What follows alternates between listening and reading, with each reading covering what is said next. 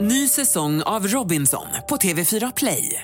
Hetta, storm, hunger. Det har hela tiden varit en kamp. Nu är det blod och tårar. Fan händer just nu. Det. är Detta är inte okej. Robinson 2024, nu fucking kör vi! Streama söndag på TV4 Play. Jag Ja. brydde mig inte så mycket av att mina föräldrar gick in på mig. Men jag känner att den, den där synen med dem i spegeln. Och den där ställningen. Jag, ja, jag tycker, hela det, den lägenheten vi bodde i då är förstörd för mig. Vad var det för ställning? Nej men.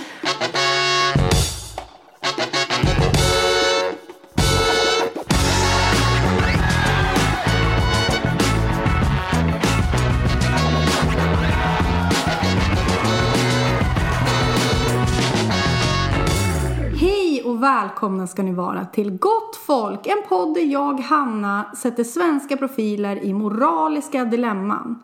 Hur väljer de här kända profilerna när inget av valen är att föredra? Och tycker de själva att de är bra personer? Och vad är egentligen en bra människa?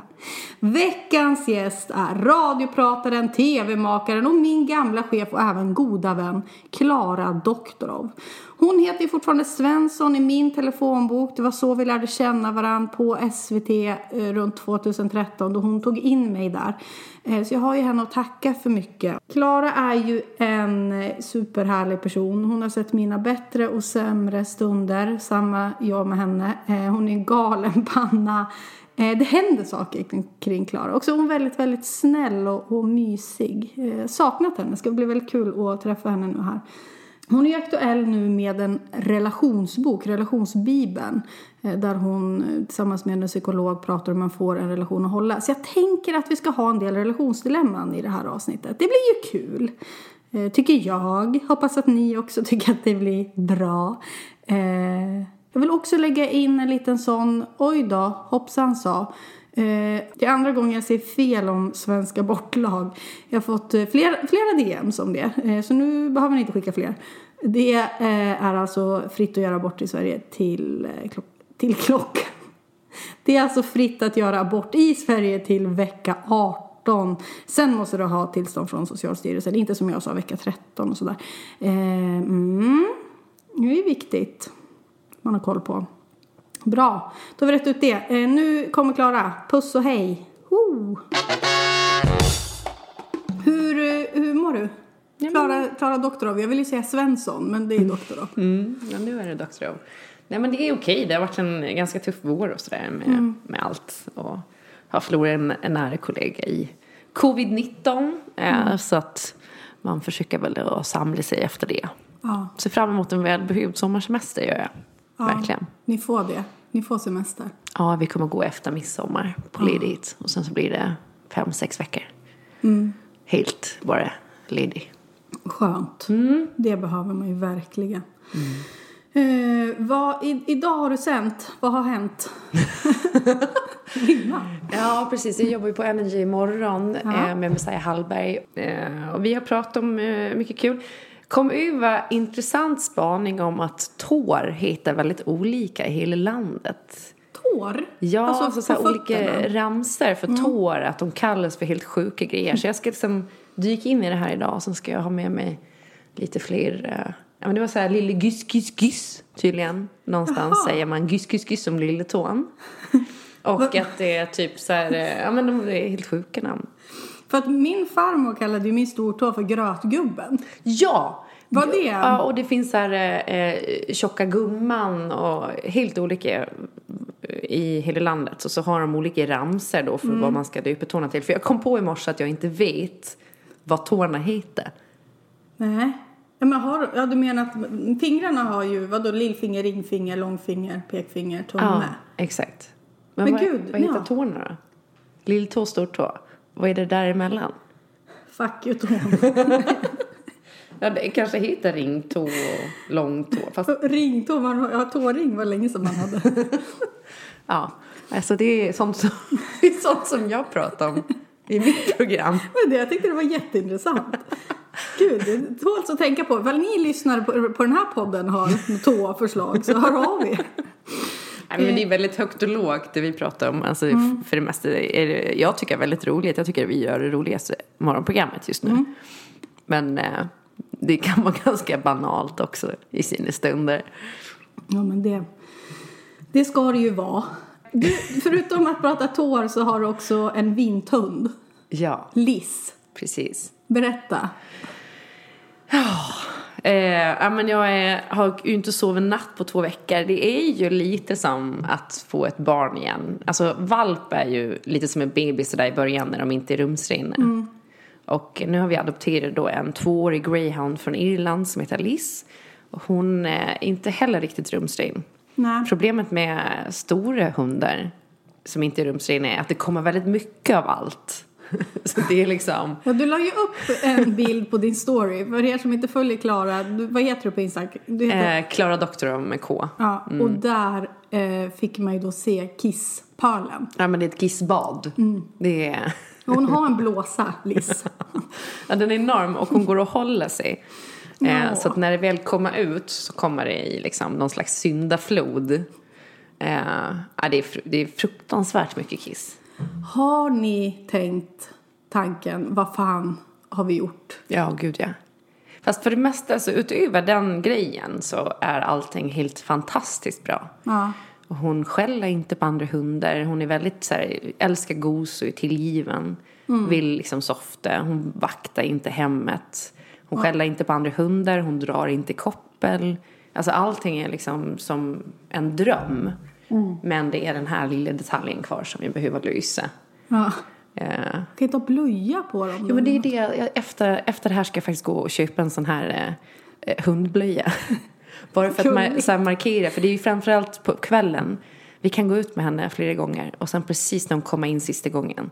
Det är som att hon håller sig, så går hon in och sätter sig och kissar. Och då har man eh, precis varit ute och så när hon väl har bestämt sig att sätta sig då går det inte att avbryta henne. Nej. Så tänker jag att om hon kanske har den där lilla blöjan på sig så blir det inte så bekvämt. Jag vet inte, det kanske är jättekonstigt men de finns så då får man väl testa det. Ja, jag tänker, den här podden handlar ju om vad som är en god och mindre god person. Att ni tog ju då en, en rescue dog, säger man så. Vad, vad, det är ju snällt, eller? Hur, hur kom du fram till att du skulle liksom ta, att ni skulle ha en sån hund och inte köpa en valp? Liksom? Ehm, nej men jag har haft valp förut och jag är uppväxt med hundar och sådär och känner väl att det är, otroligt jobbigt med valp. Eh, och det kräver ju, men det gör det ju i och för sig om man adopterar en vuxen hund också såklart, jättemycket jobb i Ja, början. jag tänker att de har varit, kanske något traumatisk, alltså vet man liksom vad de har Nej. varit med om? Jag har researchat greyhounds ganska länge och just men, men, mentalt så tycker jag att de har haft liksom det jag vill ha i en hund. Så att en hund ska kunna leva livet med oss. Så att det inte bara blir så här, nej hunden måste vara hemma eller man kan ha en hund som följer med på allt. Eh, och som inte, för jag hade, min, min tidigare hund var då en taxblandis och han skällde på allt och alla. Och drog jättemycket i kopplet. Och vi tränade jättemycket på att liksom försöka få bort det här men det var väldigt svårt för det var så instinktivt hos den rasen. Ehm, så nu hade jag liksom gjort läxan och då var det lite så här, okej, greyhound eller bara vinthundar generellt. ehm, eh, den rasen som jag känner passar oss och vårt liv bäst. Men eh, varför ska jag köpa en från kennel när det finns jättemånga som behöver hem? Ehm, och som också blir väldigt tillgivna i sina familjer. För de kommer till en familj, aldrig levt i familj. Och ehm, eh, mår väldigt bra då, för det mesta då. Så att, eh, det kändes eh, givet. Jag tänker när man kollar in i Liss ögon. Alltså, Blir det inte så att man funderar så här, vad har du varit med om? Exakt. Vad har du sett? Ja. Jag får mig att tänka på en, en busringning Messiah gjorde på radion när hon ringde upp en kvinna som sålde en docka på Blocket. Var väldigt så här, jag, jag skulle vilja veta vad den här dockan har varit med om, vad har den sett? Den har väldigt ledsna ögon, vad har den sett för något? och sen så avslutade det med att säga så här, ja, men då, kom, då kommer jag och tittar på den här dockan idag då. Och hon bara, men jag har inte gett min adress. Så livrädd. Vad har dockan sett? Ja men lite så är det ju och det kommer vi ju aldrig få veta liksom. Nej. Eh, Men jag har googlat ganska mycket för hon har ändå någon slags stamtavla så att jag har sett att hon, eh, jag vet vilka hennes föräldrar är. Eh, Och de har varit i racingindustrin. Och jag tror att hon sprang för någon sån här tryout i december. Och då upptäckte de att hon var för jävla långsam. så då fick hon inte vara med längre och så lämnade de henne till eh, Rescued då. Ja. Så, och där hamnar väl typ bara de greyhoundsen som har tur. De andra släpper de ut i skogen eller skjuter i huvudet typ. Fy fan. Ja, det är hemskt. Förutom vinthunden Liss så har du släppt en relationsbok. Ja.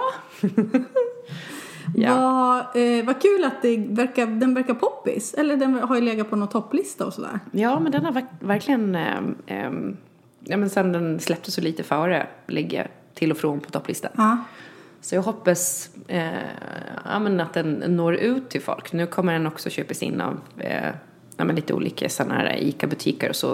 Och Ja. stå på pall där. Så jag tänker att det är bra sommarläsning för par som vill mörda varandra med yxa. Ja, efter tre månaders karantän går man in i sommarsemester. Ja. En del blir ju starkare av det. Ja, vi blir ju det. Ja. Men vi kan ju inte vara, det är så när Anton och jobbar mycket, då är vi sämst. Alltså när vi inte ses. Och när vi ses är vi ju bäst. Eller liksom relationen. Jag tänker också att eh, alltså, de relationerna som blir bättre är också för att jag tänker att man synliggör allt det där som stressar en annars i relationen. Att det kan vara att man är mycket stressad av jobb och sådana grejer och, och sen så har man inte lika mycket av den varan. Och så blir det ett annat lugn.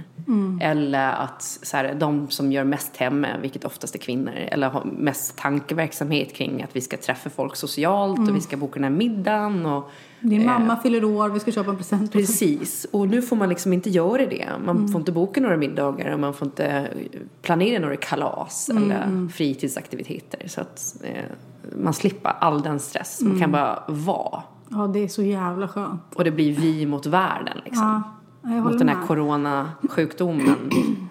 eh, att man kan bli starkare. Och sen så finns det de som vill mörda varandra. Eh, Och det där, i min egen relation går det där lite upp och ner. Ja, det gud, det ska ju sägas. Jag har väl mördat. det, är, det är ju någon gång per dag, absolut.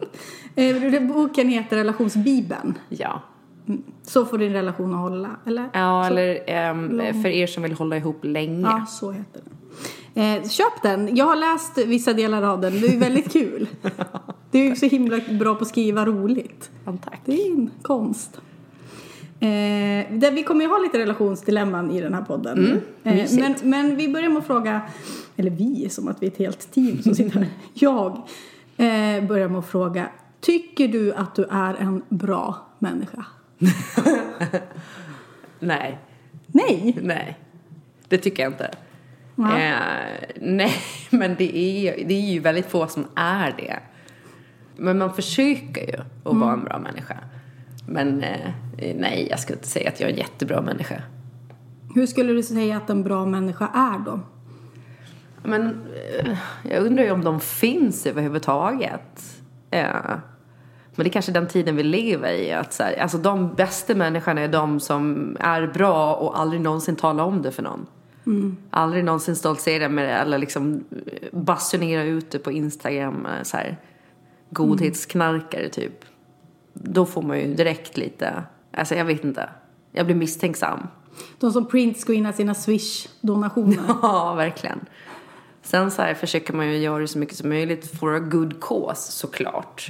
Men eh, nej, alltså så här, jag är klart inte att jag inte är en jättebra människa. Alltså man lever mer eller mindre stereotypt på många sätt. Man eh, liksom har eh, som jag tror alla vita människor ibland rasistiska tankar eller liksom sånt som man behöver liksom bearbeta och ta tag i och försöka förstå.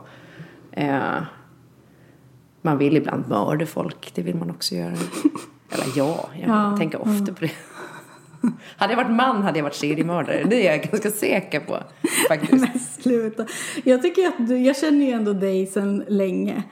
Eh, och jag tycker att du kan ju också vara lite hård mot dig själv. Tycker att du, alltså att du går runt med någon bild av att du inte skulle vara bra. Jag vet inte. Har jag fel? Eh, ja, eller, men jag, jag tror att det är vettigt att man inte är...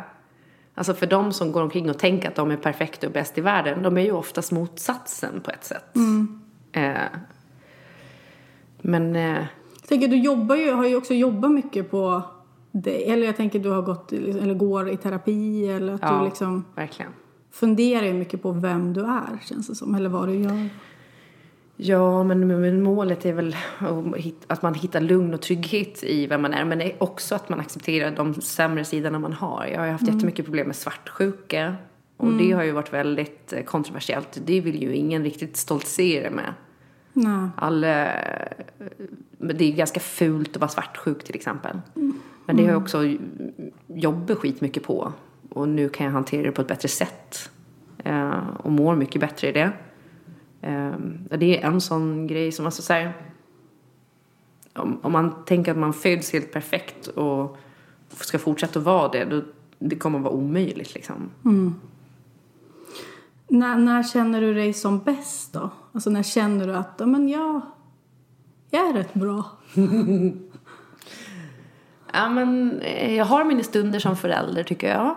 Eh, sen kan jag vara kass också. Ingen är ju perfekt liksom. Sen, eh, nej men jag tror att jag har mina stunder i allt. Mm. Eh, men jag har som bäst så här, självkänsla och självförtroende oftast i arbetssituationer. Det är liksom där man, prestation. Mm. Det är där man hämtar styrka. Mm. Så att man behöver träna på att känna att man är liksom eh, bra och duglig även när man inte gör ett jävla skit. Mm. Eh, eller halka efter med allt eller är en usel förälder. Det är väl det. Mm. Men det är en stor fråga, det är svårt. Ja. Eh. Men när känner du att du är sämst då? Ja, men I små skärvor varje dag så är jag ju kass. Sen har jag liksom problem med, jag har en, en diagnos som är typ um, eh, dissociation. Mm. Alltså dissociativ störning som gör att min hjärna stänger av och så försvinner jag bara iväg i tanken. Mm. Det är en sån, sån liksom, eh, kronisk dagdrömmeri kan man säga. Men det gör ju att folk runt omkring mig som inte känner mig så nära tror att jag är helt jävla dum i huvudet och superdryg. Ja, att, du, du upplevs som lite disträ eller? Liksom. Ja, ja, eller att någon börjar prata med mig och då kan jag bara helt plötsligt mitt i samtalet ställa mig upp och gå därifrån. Men det är för att min hjärna registrerar, har slutat registrera att personen pratar. Ja. Jag kommer kanske på en tanke och, och då är det som att min hjärna förstår inte att nu måste jag lyssna här utan man bara gör något annat. Mm. Eller att man liksom försvinner i sin, i sin telefon eller eh, när jag arbetar, liksom när jag skriver någonting och någon börjar prata med mig, då kan jag inte registrera att någon pratar med mig. Mm. Ja, men det har jag ju upplevt på nära håll. men folk kan ju bli tokiga. Och väldigt ofta har man fått höra att man är dryg. Men det är ju för att man inte, alltså jag, jag gör inte det medvetet eller med vilje liksom. Nej. Men, är bara... men, men är det liksom någonting som då får dig att känna, även fast du vet om att det är så en svårighet, är en diagnos som du har. Mm. Är det ändå någonting som du får får dig att känna dig dålig. Ja, liksom. verkligen. Mm. För att man tänker bara så här, men varför kan jag inte bara koncentrera mig mer eller eh, varför blir det så här varje gång typ. Mm. Eller bara så här, nu man märker med barnen, de börjar ju förstå också att jag har det här problemet för de är ju med om samma sak. Mm. Och det kan ju vara ganska knäckande. Men att man försöker i de stunderna som hjärnan är närvarande verkligen att vara det. Mm. Och att så här, få dem att förstå att det är inte personligt utan alltså det är mig det är fel på att min hjärna inte riktigt fungerar alltid mm. rakt igenom. Fattar de det då? Jag tänker Sam är ju så liten men Betty. Ja, han fattar inte det. Nej. Han är väldigt mycket så här nu, är mamma sur? Är mamma glad? Mm. Men mamma är glad. Bara för att man sitter sammanbitet och bara tänker på någonting. Liksom. Mm. Men Betty tror jag förstår. Hon har hajeläget. Mm. Kjell då? Nej, han är ju tokig på mig. Konstant nästan för det här. Ja. Eh, och kräva liksom då i, kräva full uppmärksamhet ja. eh, när han ska säga någonting, vilket jag förstår. Men det blir ju ganska så jobbigt efter ett tag att vara med någon som bara försvinner. Ja. Jag får ju kritik för det och jag har ju inte någonting liksom... På pappret? Nej. Jag får ju kritik av Anton för att jag eh, också, men jag tror att det är bara att jag är ointresserad. men grejen är att jag tror att alla kan ha det i, till och från eller i viss grad. Ja. Men... Eh, eh, men det är obehagligt när man ser det hos sig själv. Han liksom kan prata om någonting som är så fruktansvärt ointresserad. Alltså typ, vi håller på att bygga en hylla här. Och han berättar någonting av det. Och jag, det kan också vara att jag har ställt frågan för att vara trevlig. Sen har, alltså jag lyssnar. Nej. Jag vet inte ens vad han har sagt. Nej. Alltså, Ingen aning. och så ställer jag frågan igen för att vara trevlig och så blir han sur för att Men de har ju en tendens också bara maler på om grejer som omvärlden egentligen tycker är helt ointressant. Men eh, sällan förstår hur ointressant det är. Ja. Men jag, jag pratade med min kompis Tove igår som sa, så sa jag det, vi som pratar om nu karantänsituationen och så, att jag upplever att typ att Ja, men Kjell har sagt just nu också, när han kanske inte kommer iväg och träffar kollegor, så att han inte känner sig så sedd alltid. Och eh, Tove bara, men eh, stämmer det då? Alltså ser du honom? Jag bara, nej, nej, det gör jag nog fan inte. Alltså man är Nej. bara så här, liksom, ja, men det, är ju- det har varit speciella tider också så. Nej men det är svårt. Har, är du en person som har mycket dåligt samvete? Ja, det har jag. Väldigt ofta. Också liksom, sådana ångestsköljningar Ja. som man kan få. Nu, jag, jag, kan fortfarande ha ångest för ett liksom, mail jag skrev på SVT 2015.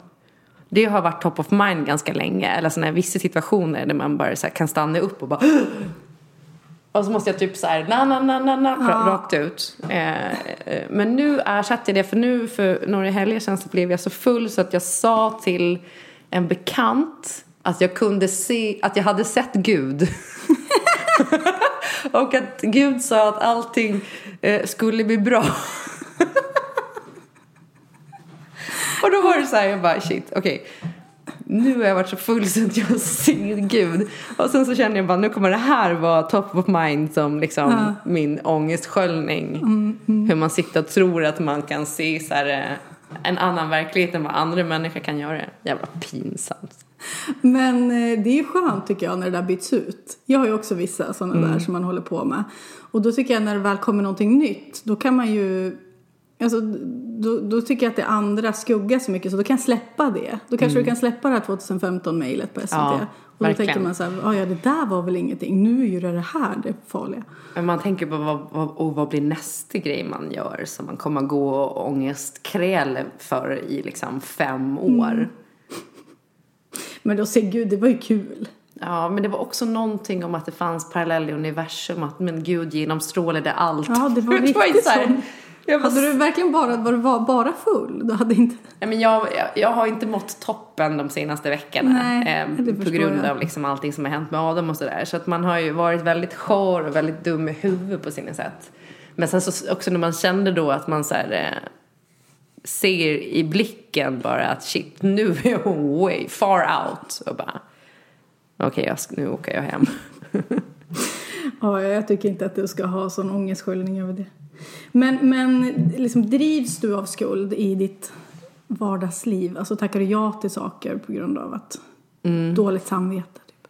Ja, men det tror jag absolut. Det är också så här väldigt i min familj så där eh, har man har man sagt ja till grejer då ska man genomföra det och ehm, är man skyldig någon pengar då ska man betala det och alltså att allting är väldigt så här eh, en Svensson betalar alltid en skuld och en Svensson gör alltid som eh, hen har sagt.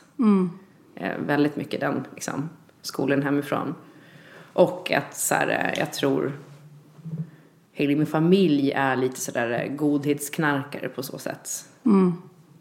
Eh, Man ska göra rätt för sig liksom. Ja, precis. Och hjälper till i samhället och betalar skatt och hjälper människor som har det svårt. Och, alltså, vi är uppväxt med liksom så här helgbarn som hade olika typer av ja, men, autistiska störningar och annat som vi skulle ta hand om. Och, och syrran som är lärare i SFI. Och, alltså det har va- varit väldigt mycket så här att vi ehm, ja, men man ska ge tillbaka till samhällets stämning.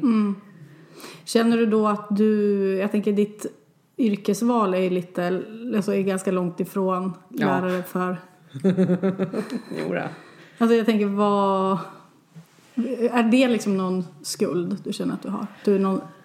Ja, men lite. Man, sen, man började ju när man var ung och tänkte så här, men jag ska förändra världen. Alltså man ska bli läkare eller man ska bli statsminister. Eller något sånt där. Sen sitter man och liksom tramsar i radio och pratar om tår. alltså, vad, vad heter tårna? Det är liksom... Det behövs ju också. Jag vet, men sen tänker jag också att så här, om man har den plattformen ändå. Och man kanske har en Instagram som får lite följare och man har en podd som har lite lyssnare och sådär. De har ändå möjlighet att, att liksom förändra i det lilla eller liksom, ja, framföra budskap som folk kan bli hjälpta av mer eller mindre. Eller skriva den här relationsboken så att folk kan få det lite bättre i sina relationer och de som har destruktiva relationer kan lämna och få styrka i det. Ehm, så. Också bra det du skrev om porr. Jag tänkte mycket på porr senaste tiden. Eh, ja, men just med så här sexköp och sådär. När man, alltså det med efter Paolo Roberto och så. Att, att eh, gemensam nämnare för alla sexköpare är att de brukar ofta väldigt mycket porr. Eh, så det där fick jag en verkligen att tänka ditt. Alltså jag började ju med att jag läste det där porr. eh, Att du reflekterade över ditt porrtittande och så. Ja, alltså jag kommer ihåg första gången vi började prata om det här kapitlet, jag och Veronica, när vi satt liksom och gick igenom alltså, synopsis för alla kapitel och så. Så var hon väldigt tydlig med att hon eh, tycker att vi ska ta avstånd från porr. Och då blev jag nästan lite irriterad. Sen började jag sätta mig in i ämnet ordentligt. För jag känner att mm, jag har faktiskt inte riktigt gjort det innan Nej. eh, och läste den forskningen som finns och, och insåg att så här, men här finns det ju liksom eh, alltså allt, allting pekar på att porren är en annan form av sexköp. S- Folk har sex mot betalning. Och oftast är det kvinnor som liksom far mest illa eh, i, i porren. Och att det då leder till också sexköp i förlängning och så vidare. Så då kändes det som att så här, och det är två olika diskussioner. Den ena är ju, man kanske inte kan säga till sin partner, du får aldrig kolla på porr. Eh, för att det är upp till var och en att, alltså så här, man kan inte ta sådana beslut av sin partner men man kan eh, ju läsa på och lära sig mer och känna att, för det kände jag själv, att jag, kände, jag har inte tittat på porr sen vi skrev det här kapitlet. Nej. Att bara så här, det känns inte soft. Och jag har en hjärna och jag har en god fantasi. Jag kan se vilken porrfilm som helst i mitt huvud när jag vill. Eh, utan att någon far illa. Ja, och ifall man liksom släpper den här eller diskussionen om att, folk, att framförallt kvinnor då far illa så tycker jag också att det gör någonting med en sexualitet som jag jag funderar liksom mycket på vad har det gjort med det jag tycker om, alltså ifall man har sett porr, som att det var så lättillgängligt sen tidigt tonår och liksom det är någonting, nu har jag inte varit någon stor brukare av porr men jag tänker kanske också killkompisar eller liksom folk man har varit ihop med, eller du vet. Ja. Så vad, vad gör det med ens sexualitet? Vad, liksom, jag, har så, jag får svårt att skilja på vad som kommer utifrån och vad som kommer inifrån mig. Så jag tycker att den har förstört lite. Så här, vad, Ja men jag verkligen. vill liksom börja om och bara lov, lämna mig fred. Nu vill jag hitta min egen lust i det här. Exakt. Ja, men det, det känner jag också att man har haft så mycket liksom, sex på porrens villkor. Och att den har liksom egentligen lärt en vad man ska tända på och inte. Och sen har man kanske inte riktigt gjort det. Nej, precis. Och man har märkt att i stort sett alla män, jag skrev det på Instagram här, häromdagen, jag fick så otroligt mycket respons från kvinnor att män eh, tror att man blir kåt av att de liksom daskar penis mot kinden eller petar på tutten med penis. Att man bara såhär, fast vad är det? Det ger ju inte mig någonting Nej, nej, nej, alls. Eh, och det är också en sån här jävla porrgrej som man ser, liksom att penis ska daskas på olika kroppsdelar. Det är ju Eh, speciellt. ja. Daskning. Verkligen. Liksom Men det är också så att det är så många kvinnor som har hört av sig nu. För vi hade också någon slags undersökning via min Instagram för att få in då inom sex och så, eller vad folk bråkar om. För att göra det här bråk, eh, registret också som man kan söka ifrån bråk, vad man vill behöva hjälp med. Eh, jättemånga som har noll lust i sina relationer som eh, är kvinnor. Eh, och jag tror det jättemycket beror på då också att de alltid har haft sex på männens villkor. Och till Ja. slut så, så dör lusten liksom. Och männen vet inte vad kvinnan ens går igång på. För hon vet knappt det själv. Typ. Ja, men precis. Ja, men eh, intressant. Köp boken hörni och, och sätt er in i porrdiskussionen. Mm. Denna vecka görs podden i samarbete med underbara Biltema. Och hörni, värmen är ju äntligen här nu. Det är dags för picknick. Som varje tidig sommar eller vår. Och nu passar det ju bättre än någonsin eftersom att vi gärna får träffas utomhus. Och då kan man ju också köpa massa picknickfiltar hos just Biltema. Dels för att de är billiga men också för att de är väldigt snygga och praktiska. Jag köpte en sån randig, ni vet. Ni vet, ni vet inte vad jag köpt för filt. Men den är randig i alla fall med en sån klädd baksida så att eh, liksom vätan som eventuellt fortfarande finns då i, i parkerna inte tränger igenom. Köpte också en jätteläcker kylväska, någon termos och lite sånt där då. Och hur köpte jag dem då? Jo, genom Biltemas smarta köp och hämta. Där beställer man sina varor enkelt på hemsidan och eh, hämtar dem i eh, sitt närmaste Biltema-varuhus inom två timmar. Så då slipper jag också gå in i de här varuhusen och träffa massa andra personer. Perfekt! Gör samma sak som mig. Handla dina picknickgrejer på Biltema. Ny säsong av Robinson på TV4 Play. Hetta, storm, hunger. Det har hela tiden varit en kamp. Nu är det blod och tårar. Fan händer just nu. Det. är Detta är inte okej. Robinson 2024, nu fucking kör vi! Streama söndag på TV4 Play. Ett poddtips från Podplay. I fallen jag aldrig glömmer djupdyker Hasse Aro i arbetet bakom några av Sveriges mest uppseendeväckande brottsutredningar. Går vi in med hemlig telefonavlyssning och, och då upplever vi att vi får en total förändring av hans beteende. Vad är det som händer nu? Vem är det som läcker? Och så säger han att jag är kriminell, jag har varit kriminell i hela mitt liv men att mörda ett barn, där går min gräns. Nya säsongen av Fallen jag aldrig glömmer på Podplay. Är du en person som ljuger? Ja. Med dina svar. Att du liksom, ja, jag är inget bra. Nej men, nej, men eh, eh, alltså, grejen är den att jag kommer ihåg att vi hade den här frågan i podden. Och så sa jag i podden då att jag ljuger aldrig. Och de andra bara okej, okay. jag bara nej men jag ljuger typ inte. Och så insåg jag ju att det, typ, det, det enda jag gör är att ljuga och det har jag lärt mig från min mamma. Alltså hon har ljugit så in i helvete. Under Men hela om, min... Alltså om vad då? Ja men bara roliga grejer. Alltså så här, hon ljuger för mig om att hon, skulle, hon var gravid när jag var 15 och att bebisen skulle bo på mitt rum på loftet i Visby innerstad som vi hade en lägenhet. Eh, och det, den lögnen gick hon i två veckor och bar på. Och då, då, då berättade hon det för mig när hon satt hemma och krykade och jag kunde som 15-åring inte lägga ihop liksom ett och ett. Att så här, nej hon är inte gravid. Hon är, de har dessutom typ steriliserat sig. Eh, Och var så här, okej okay, men då får vi väl göra så. Här tänkte jag att vi kunde ha spelsängen. Och var så här, så jävla lättlurad.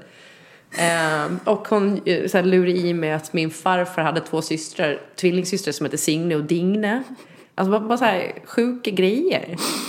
Eh, Det, var, alltså, det är hennes typ av humor då? Ja, alltså, lite mer- så. Ja.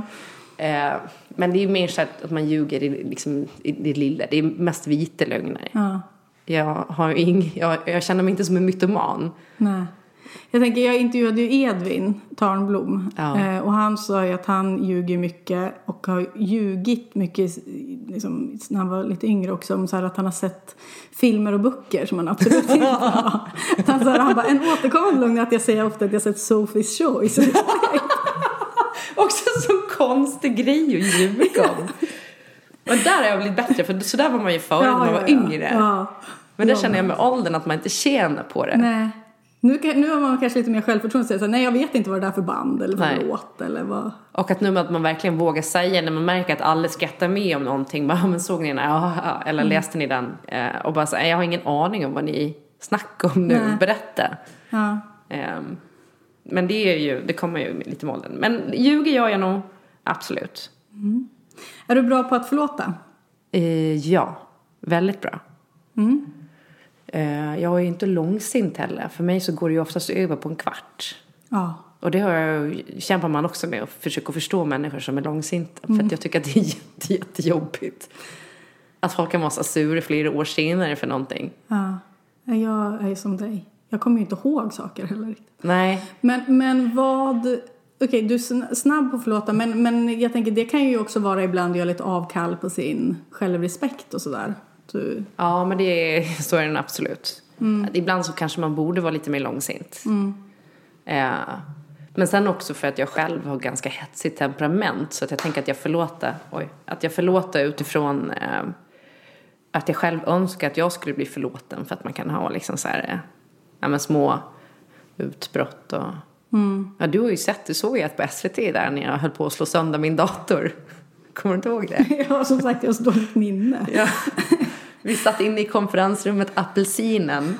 Och det var en grej som alltid hade blivit fel med SVT Play med liksom våra puffar för programmen och grejer. Och de länkade fel och det kändes som att de inte tog det vi gjorde särskilt seriöst Nej, internt. nej, för att vi gjorde bara höll på med webbgrejer typ. Och sen när det samma fel hade uppstått för så här tionde gången. Och jag upptäckte det då, vi har precis haft ett så här typ måndagsmöte, så ställer jag mig bara upp och då var jag ganska skör också, jag hade precis liksom separerat med barn och sådär. Ja. Mm. Och bara börja Ja, men här, slå det- ja. på min dator och skrika Nu får i helvete får det vara nog! Och alla ställer sig upp och bara så här backa ur rummet. Och jag står och slår på min dator. Ja, men jag har hög förståelse. ja. Det är ju ändå fint då, så att du kan förstå då, ifall jag skulle få ett utbrott på till exempel tekniken här. Du skulle inte döma mig. Nej. Kan man förlåta människor för allt? Alltså det är ju... Anders Behring Breivik vill man ju inte någonsin förlåta. Nej. Eh, Det tror jag nästan är omöjligt. Liksom. Eller det finns ju... Men jag tycker också det så här redan nu. Och, men den här eh, Haley Paolo Roberto. Att jag känner lite att så här, precis som metoo, att det var liksom vissa personer blev ju liksom utsinglade med namn och sen så kändes det helt plötsligt som att man flyttade fokus från faktiskt eh, män i grupp eller män generellt till att det var några individer som skulle offentligt kylhalas.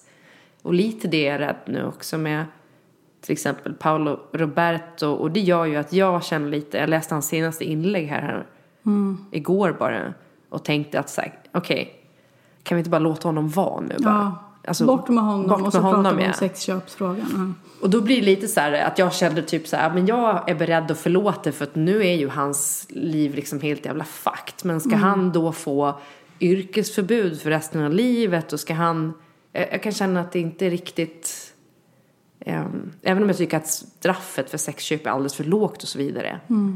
Eh, så, eh, även med typ pedofili kan jag känna att, alltså det är en så svår fråga men jag tror inte att vi kommer, kommer framåt eller nå förändring om man bara liksom eh, det måste finnas en rehabilitering och en, förlåtelse i det som, får- som får människor att verkligen vilja förändra sitt beteende. Eh, och inse att de har gjort fel. Annars är det så lätt att man bara vänder sig från allt och skita i det liksom. Ja, det är väldigt lätt att döma. Alltså, det är klart att man ska också döma alltså, någon som är pedofil. Alltså att det blir ju, alltså med handlingen är så fruktansvärd. Men det, det är ju också eh, någonting som behöver vårdas. Eller Precis. alltså någonting, alltså, Och där sviker ju samhället tycker jag. Ja. Och det gör ju att alltså samhället förlåter inte. Eh, Men, och det kan man kanske förstå, men samhället behandlar och vårdar inte heller. nej, ingen vill ta i det liksom. Nej, precis. Och det gör ju att fler barn utsätts. För att man inte vågar ta kontakt med vården. Och när man väl vågar ta kontakt med vården så finns det typ ingen hjälp att få. Nej. Eh, Är du, är du snabb med att säga förlåt? Jag är kanske lite för snabb. Ja. Så du är både bra på att förlåta och bra på att säga förlåt? Liksom. Ja, eller så märk, märker man ju mest i sin egen relation. Ja. Men jag tror nog att Kjell som jag lever med kan känna ibland att mitt förlåt inte betyder någonting när det kommer för snabbt. För att, att det då bara blir någonting som man rapar upp liksom. Ja men förlåt. Utan att riktigt mena det. Eh, så det är ju också någonting att så tajmingen för ett förlåt måste komma vid rätt tidpunkt. Där kan man ju också gå tillbaka till Paolo Roberto. Att, så här, att dagen efter typ lägga ut att tummen upp och bara livet fortsätter, jag är på botten. Och bara, nej, Nej. nu, vänta här. Fel timing. Vänta nu. Men så kan det ju verkligen vara eh, för mig också. Jag skulle absolut har kunnat gjort det där inlägget. Tummen upp. Nu går vi vidare. Ja. Förlåt, förlåt, förlåt, förlåt. Eh, har du någon i ditt liv som du inte kan förlåta? Eh, alltså grejen är att jag har haft två, två sådana personer som jag hade kanske vilja fått möjligheten att säga förlåt, eller fått ett förlåt från. Men de gick och coolade i vippen innan det hände.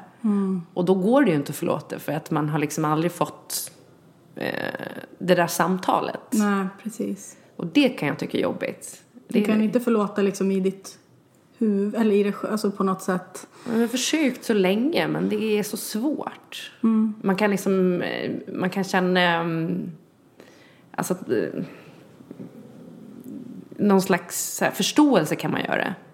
Men förlåtet kommer aldrig att, att komma. Nej.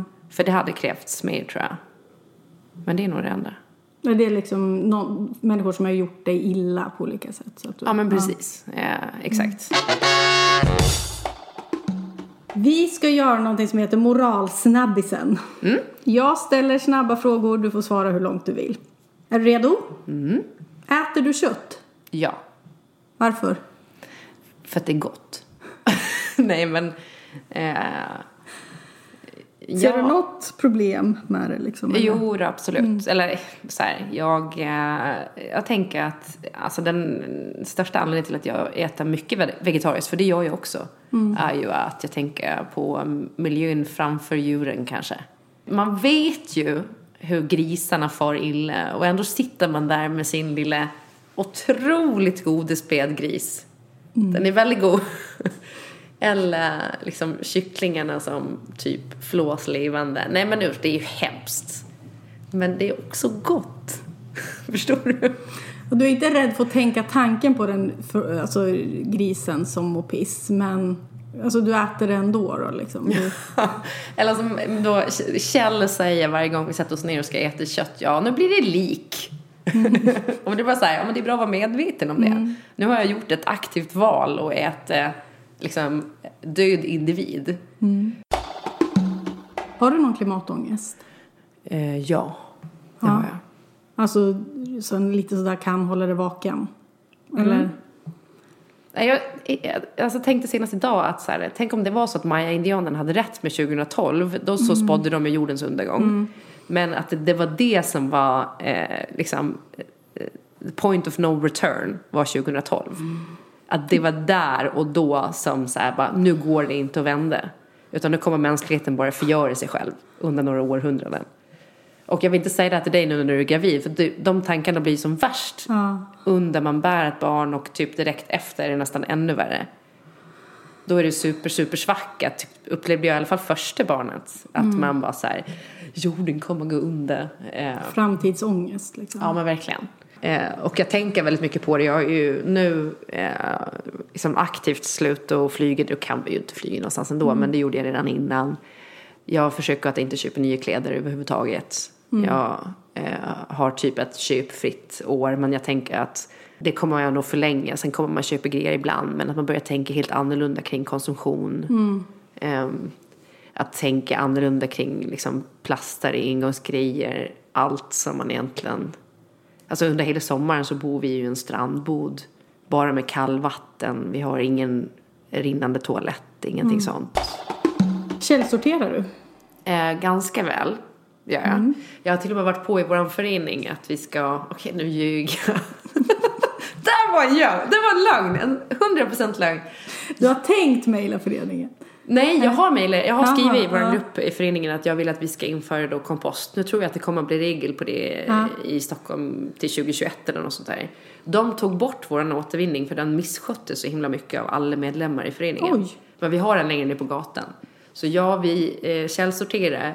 Men det är klart att när man har de här riktigt stinkiga, äckliga grejerna ehm, som man ibland inte orkar ta tag i. Ja, det händer att det slinker ner i någon mjölkkartong eller det, någon liten sån här eh, makrillburk. Och, ja, Du är inte helt nitisk med det där liksom? nej. Nej. Och sen mår man lite dåligt varje gång, det gör man ju. Men det händer, jag är inte perfekt. Jag har ju en kontrollant här hemma som kontrollerar soporna när jag har slängt plast. Alltså Anton eller? Anton går och fixar då. Vad har du slängt här? Vinflaska rakt i sopan. Ja. Ehm. Ska droger legaliseras, tycker du? Ehm, hmm. Ja, jag gillar ju det här initiativet som de väl hade i typ, om det var Portugal som nu Norge skulle införa, att det inte blir straffbart längre med droger på det sättet utan att man erbjuds någon form av eh, hjälp och counseling. Alltså, eh, och det tror jag är eh, vettigt. Eh, sen kan jag tycka typ med gräs, alltså marijuana och sånt där, att det kanske kan vara lite friare. Eftersom det ju har varit, så här, visat sig vara ganska så här, ångestdämpande för många eller smärtlindrande och så. Det finns en del i Sverige som får ut det på recept redan nu så att ehm, där tänker man ju att det som alternativmedicin kanske inte behöver vara så jäkla, ja men typ som CBD-oljor och sånt där skit. Jag vet inte, det är inte någon drog för mig. Nej. Jag blir bara hungrig om jag röker på. Men, eh, eh, ja. Har du, har du knarkat mycket i dina dagar? En del ska jag säga. Jag har nog testat det, det mesta som inte är supertungt. Det har jag nog gjort. Eller nog, det har jag gjort. Är kvotering bra, tycker du? Eh, ja, det tycker jag. Det finns ingenting dåligt med kvotering alls. Är det okej att köpa sex? Nej. Jag förstår inte ens att det är liksom en... Jag såg den här eh, dokumentärserien nu om eh, han eh, Jeffrey. Epstein. Ja. Jag har inte sett den, men det... Nej men där är det också så här eh, att de då eh, delvis målar upp då vissa av de här eh, tonårsflickorna som är liksom från 14 års ålder som prostituerade. När man bara, men hur är det ens möjligt att liksom, alltså så här, det, det är inte prostitution när du är 14 år gammal. Våldtäkt av barn. Det är våldtäkt av barn, ja. Har du gjort botox? Det har jag gjort och det kommer jag nog aldrig göra om tror jag. Nej, fy fan vad hemskt det var. Men gud, det här kommer inte jag ihåg. Det Nej, men det här gjorde jag i... Vi skulle, eh, vi skulle ta nya sådana kampanjbilder i typ december. Ja. Och så, så var man så här blek och glåmig och trött och så.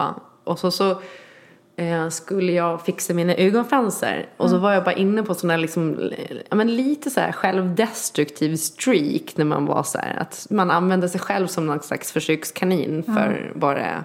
Ja men det känns lite som att det är på början på att bli Britney rak i huvudet och stå och slå på bilar med ett paraply. Men den känslan som drev mig då att samma dag gå då till Bianca Ingrossos eh, klinik och göra läpparna. Och när jag var där så sa jag att ja men botox, jag är lite nyfiken. Och hon bara, men jag kan lägga, det kostar lika mycket för en zon som för tre zoner. Så jag bara, men kör på då, vi kör. Jag har inte ens liksom tänkt så mycket på det. Och sen kom jag därifrån och sen när vi skulle ta bilderna då såg jag verkligen ut som en skräcködle. Alltså så här, mitt, an, mitt, hela mitt uttryck, ansikte var något annat.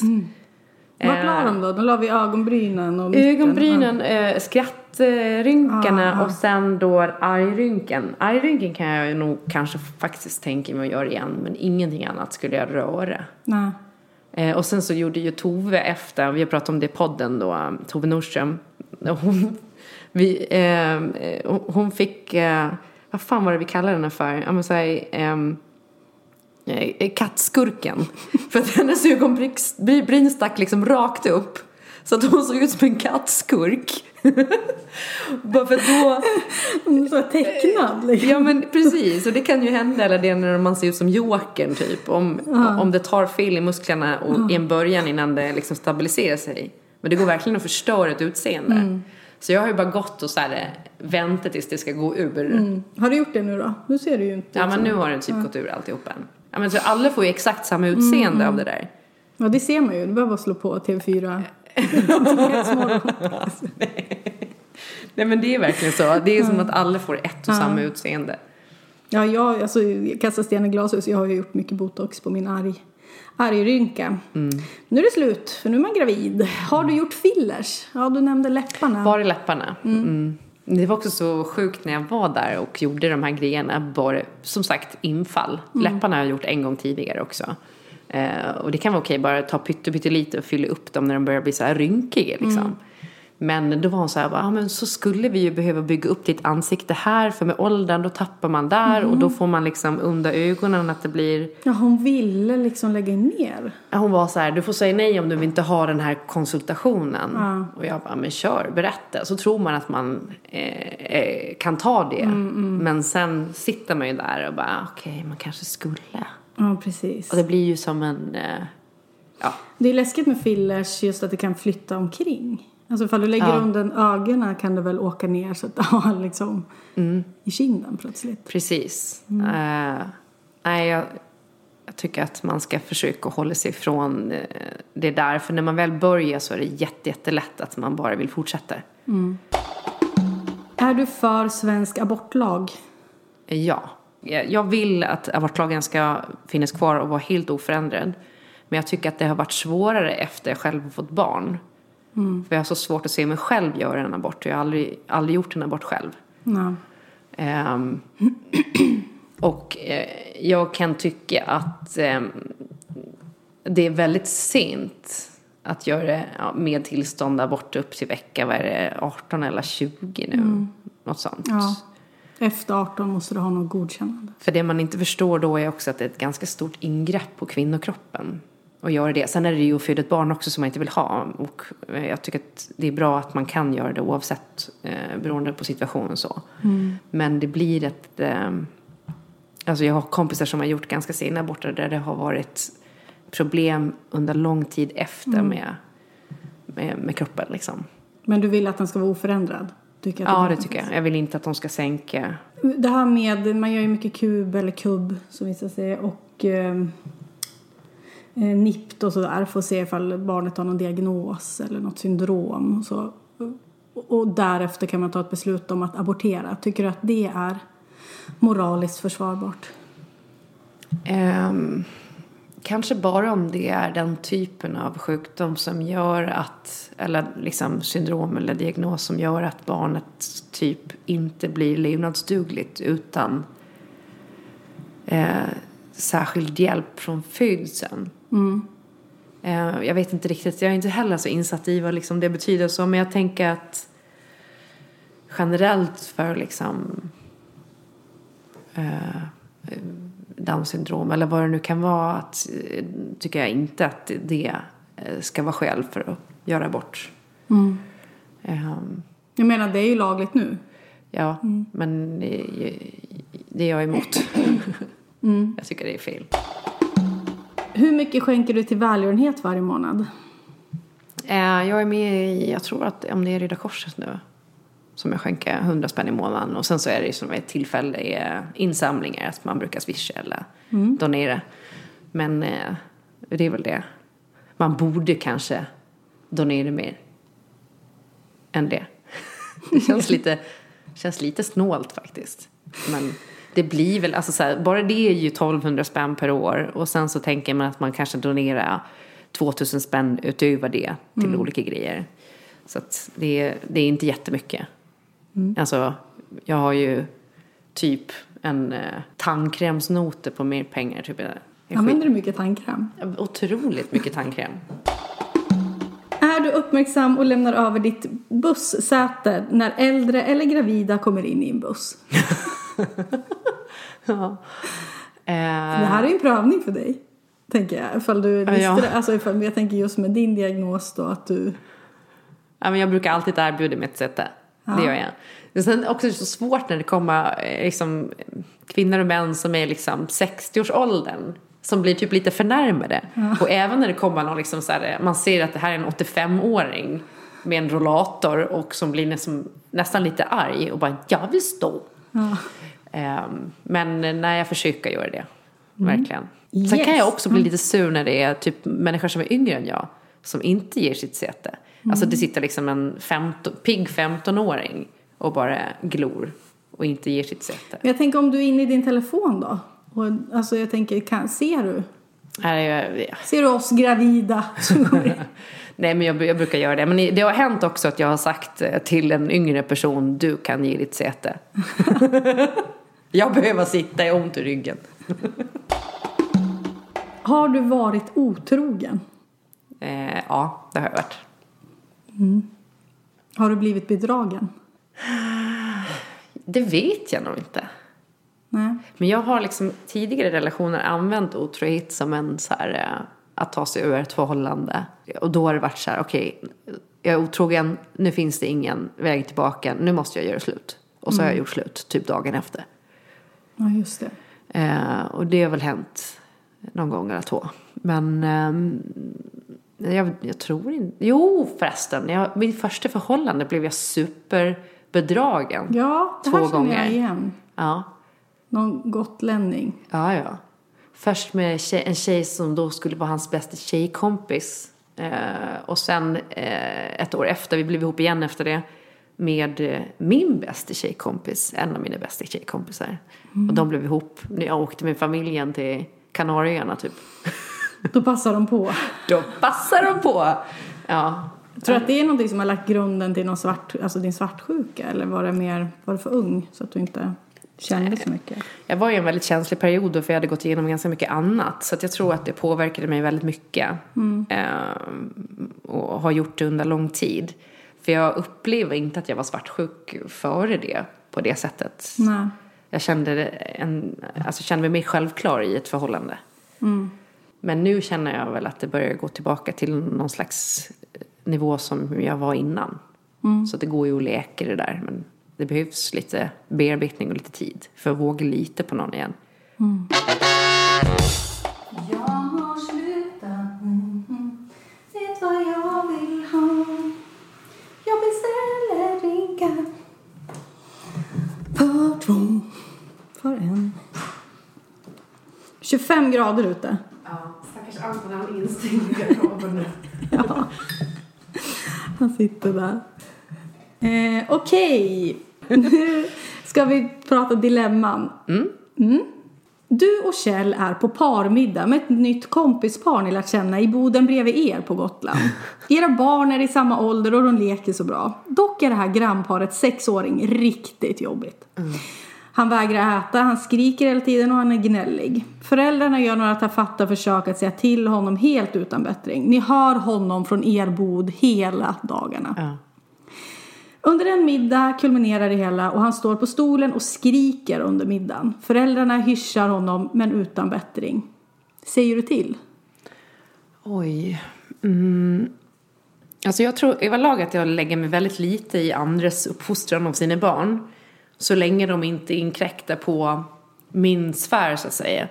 Om de gör någonting direkt mot mig eller mot mina barn eller så här, då måste man säga till för att det är lite så här it takes a village to raise a child stämning. Här, han, den här sexåringen förstör ju er sommarsemester kan man ju se. Ja, det där skulle kunna vara Sam om några år. Alltså, jag tycker synd om våra bodgrannar, helt ärligt. Han har varit jävligt, jävligt styckig. Men eh, nej, men jag tror att det, det biter kanske mer än man säger ifrån. Men i det läget där så skulle jag nog inte, om föräldrarna har gjort det, då skulle jag nog inte göra det. Jag kanske skulle försöka avleda snarare.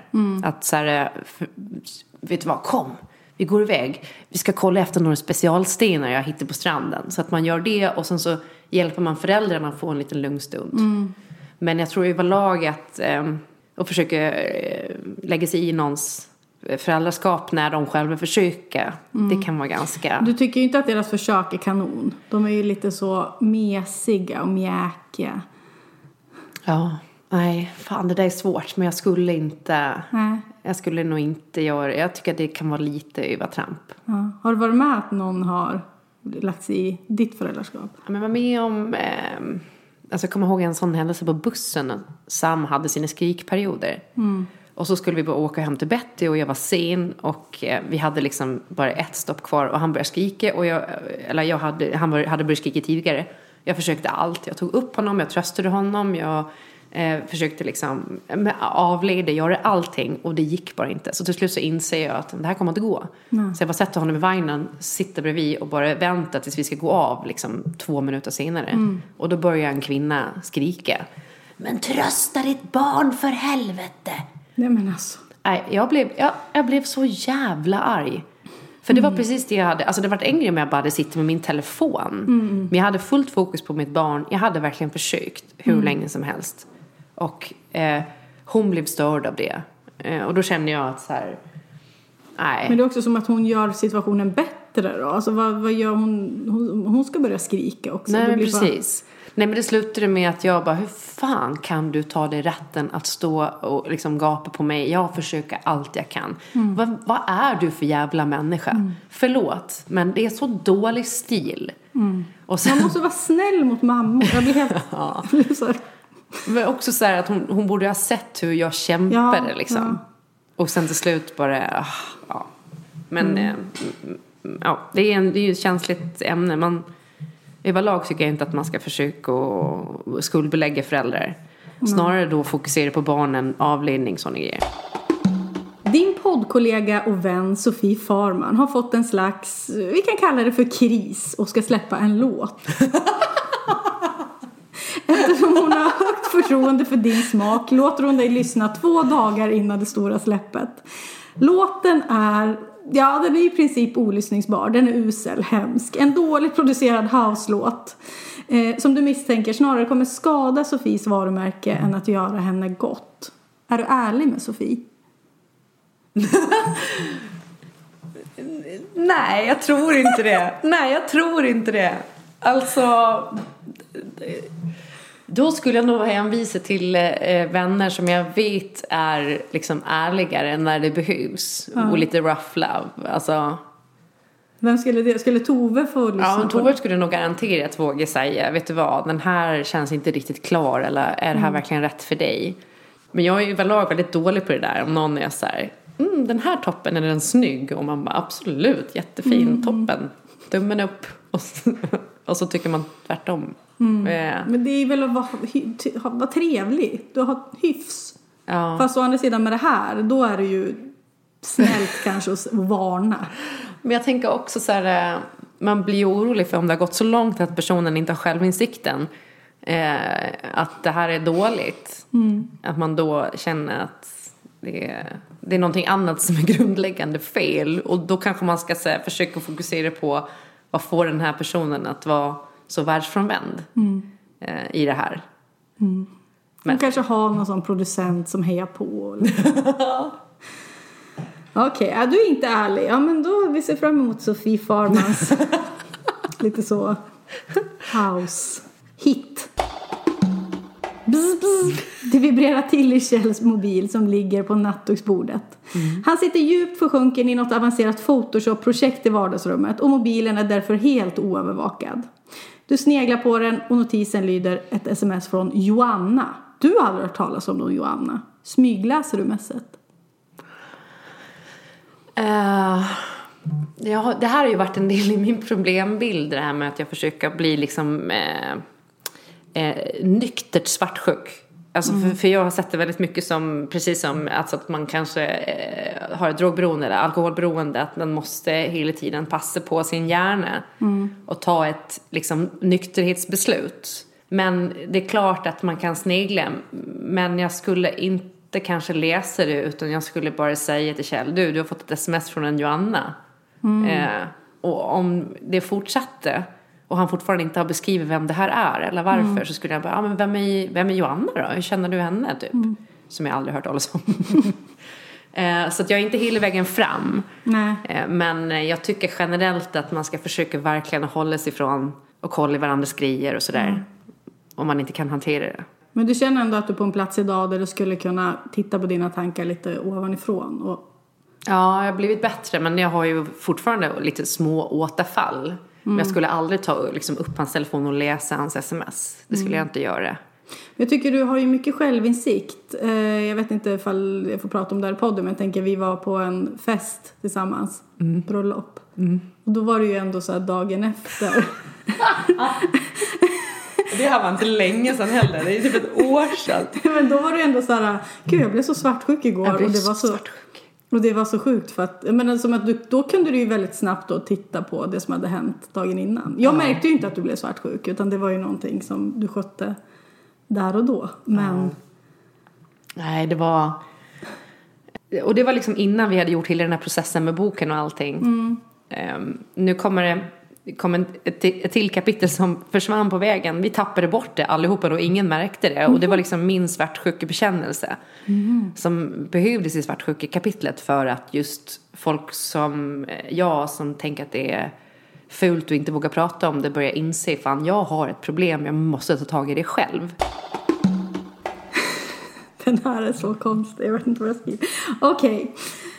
Under, underklädesföretaget Babes for You hör av sig till dig för ett stort samarbete. Det är ett amerikanskt företag med mycket pengar som nu försöker profilera sig på Sverige och framförallt Gotland med kardade underkläder i finaste fårull. De vill att du ska fronta kampanjen och bli omslagsperson för det här internationellt. Eh, Du ska posera i deras kardande underkläder i ungefär en månad.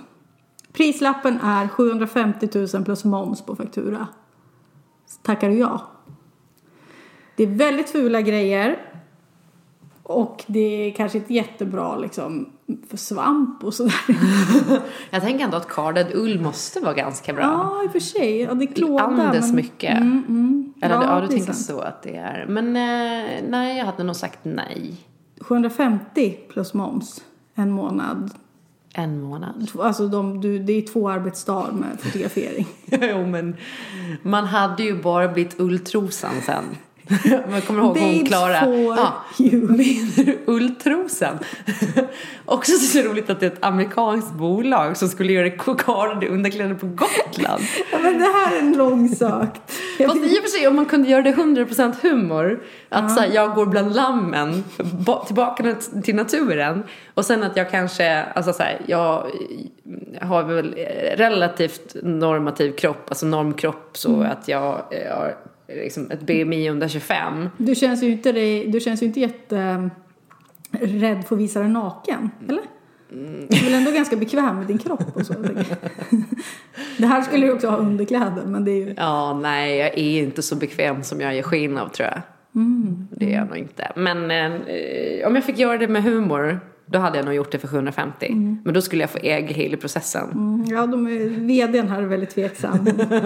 Nej, då hade jag nog sagt nej. Det är dags för eh, Klara att gå på H&M's stora eh, års, eller sommarfest. Din kompis Malin som jobbar där, du ska hänga med henne. Eh, och det är någon sån här härlig stor trädgårdsfest. Väl där så ser du ju min kille Anton. Han har inte sett det än, utan han jobbar ju också på H&M där. Eh, och vänta, står han inte lite väl kärvänligt med någon snygg kvinna och pratar väldigt nära? Du ser hur Anton har sin hand i ryggslutet på den här kvinnan. Gör du något? Uh, Det är alltså inget hångel. Nej, jag hade nog ändå gått fram och markerat min närvaro. För att jag tycker typ inte hur liksom nära man än är. Jag tycker att det är liksom lite fult mot förhållandet att stå och vara så. Men det är också för att jag är väldigt icke-intim. Jag tar ju inte på människor. Ja, men det gör ju inte Anton heller så det är Nej. jättekonstigt. Ja, men det... Att han gör det. Ja, nej men jag, ska, jag hade nog inte gått och sagt någonting eller så, men jag hade nog gått fram och verkligen markerat min närvaro.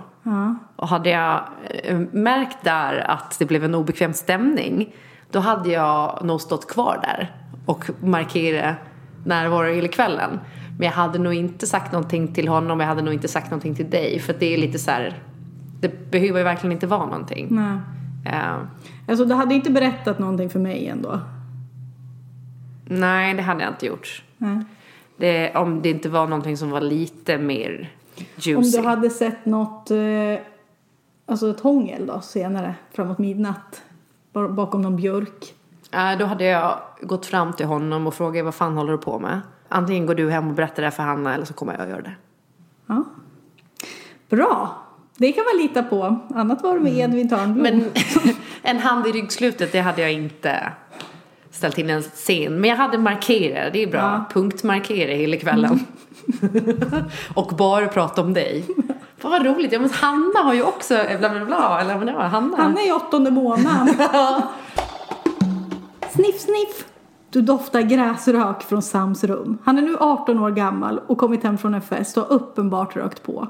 Gräs är vid den här tidpunkten fortfarande olagligt i Sverige. Hur hanterar du det här? Hmm.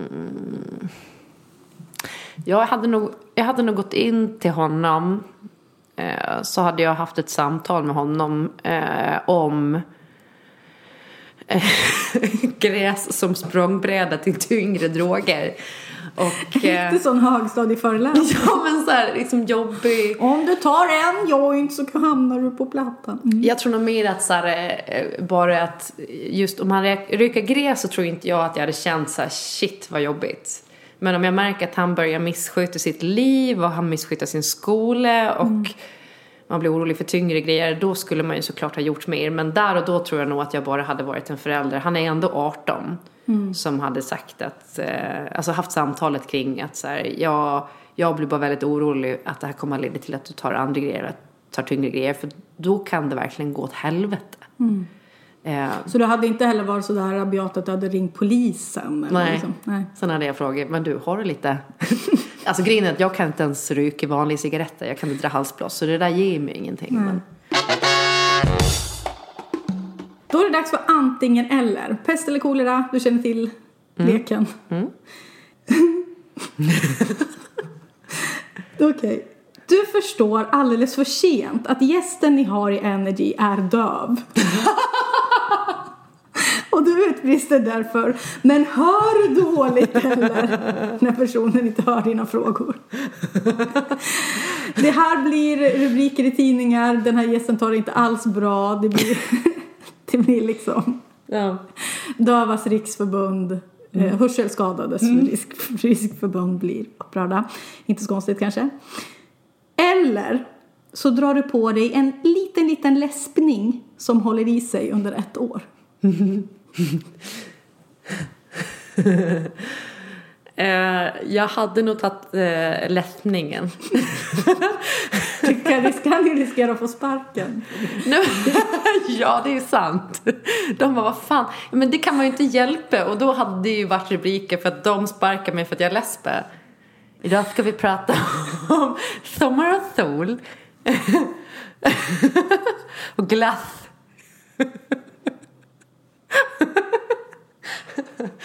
Smarrglass. Messiah. Nej, det är ett jobbigt namn. Messiah, Messiah. Nej men eh, det hade varit svårt för dem att och kicka mig om, jag, om det var liksom så att, att läkarna går ut och säger nej hon gör inte det här med vilja utan det här är en diagnos. Eh, jag hade tagit det. Hör du dåligt eller? Antingen så skriver du i nästa vecka en debattartikel i DN där du ifrågasätter om sexköp verkligen är så fel. Där du tar Paolo Roberto i försvar. Eller så måste du döda Liz.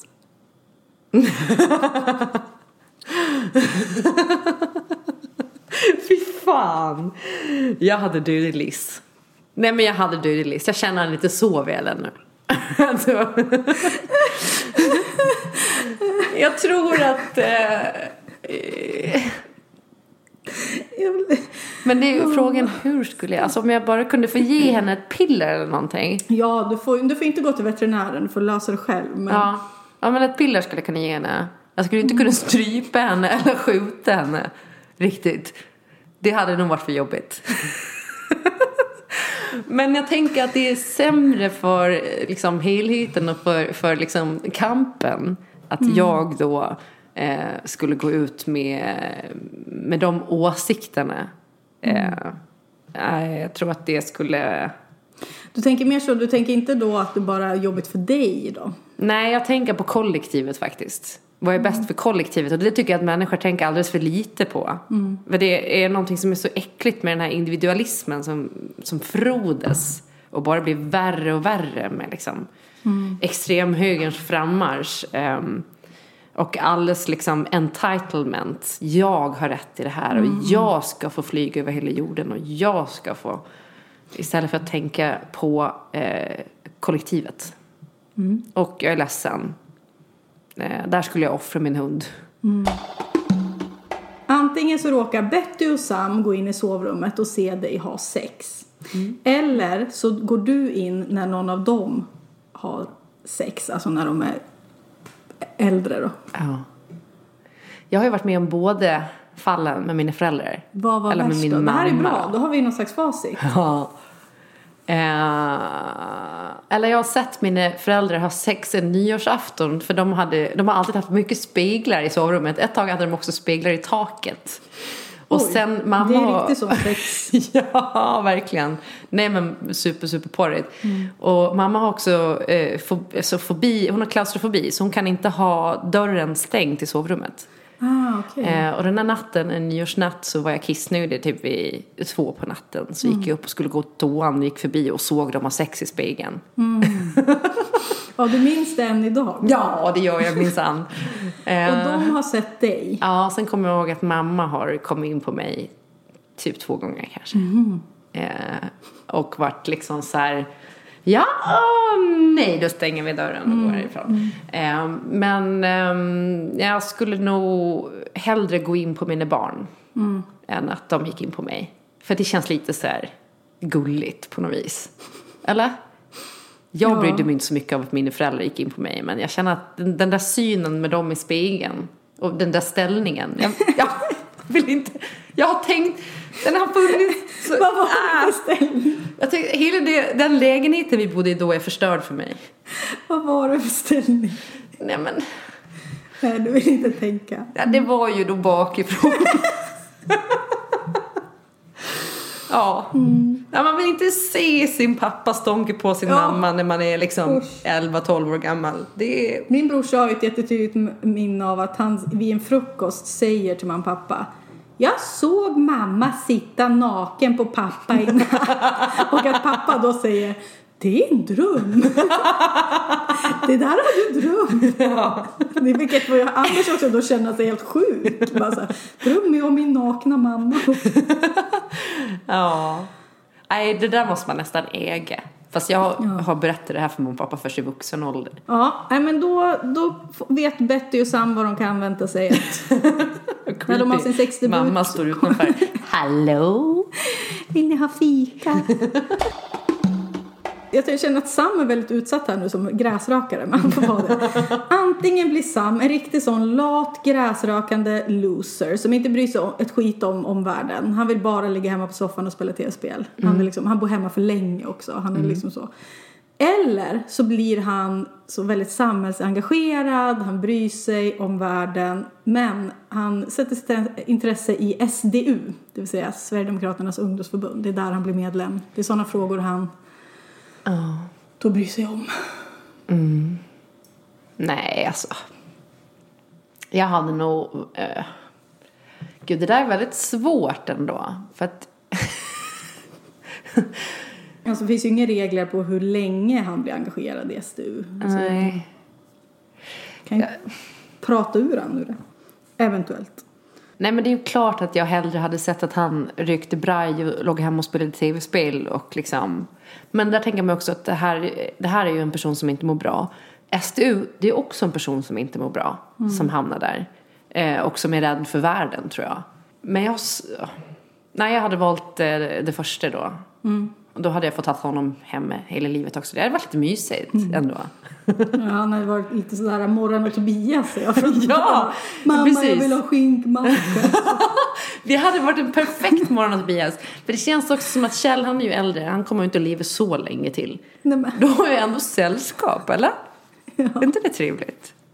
Om någon vi kan fika med och Ja.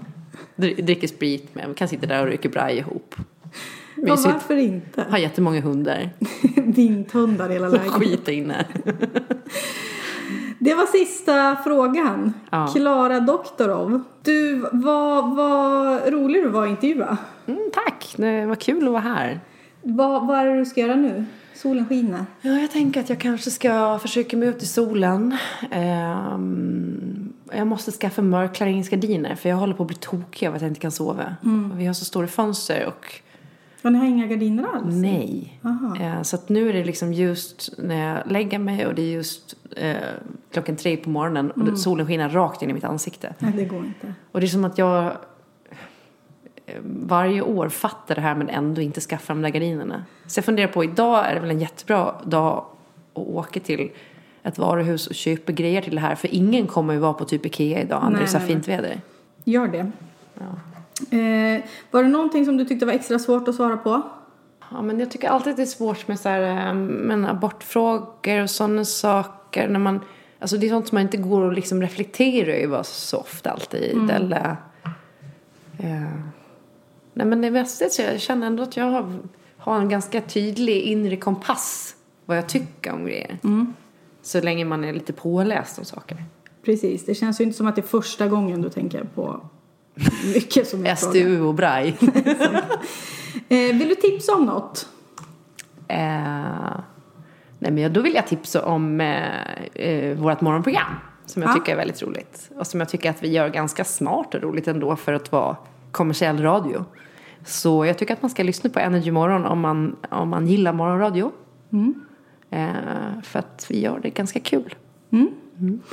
Bra, då vet ni vad ni ska lyssna på efter att ni har lyssnat på den här podden. Eh, stort tack Klara Doktorov för att du kom hit. Eh, tack alla ni som har lyssnat. Har ni, vill ni liksom dumma Klara eller mig så slida in på DM då. Men var snälla, men det brukar ni vara. Klara Doktorov med K, Hanapi heter jag. Puss och hej! Puss puss!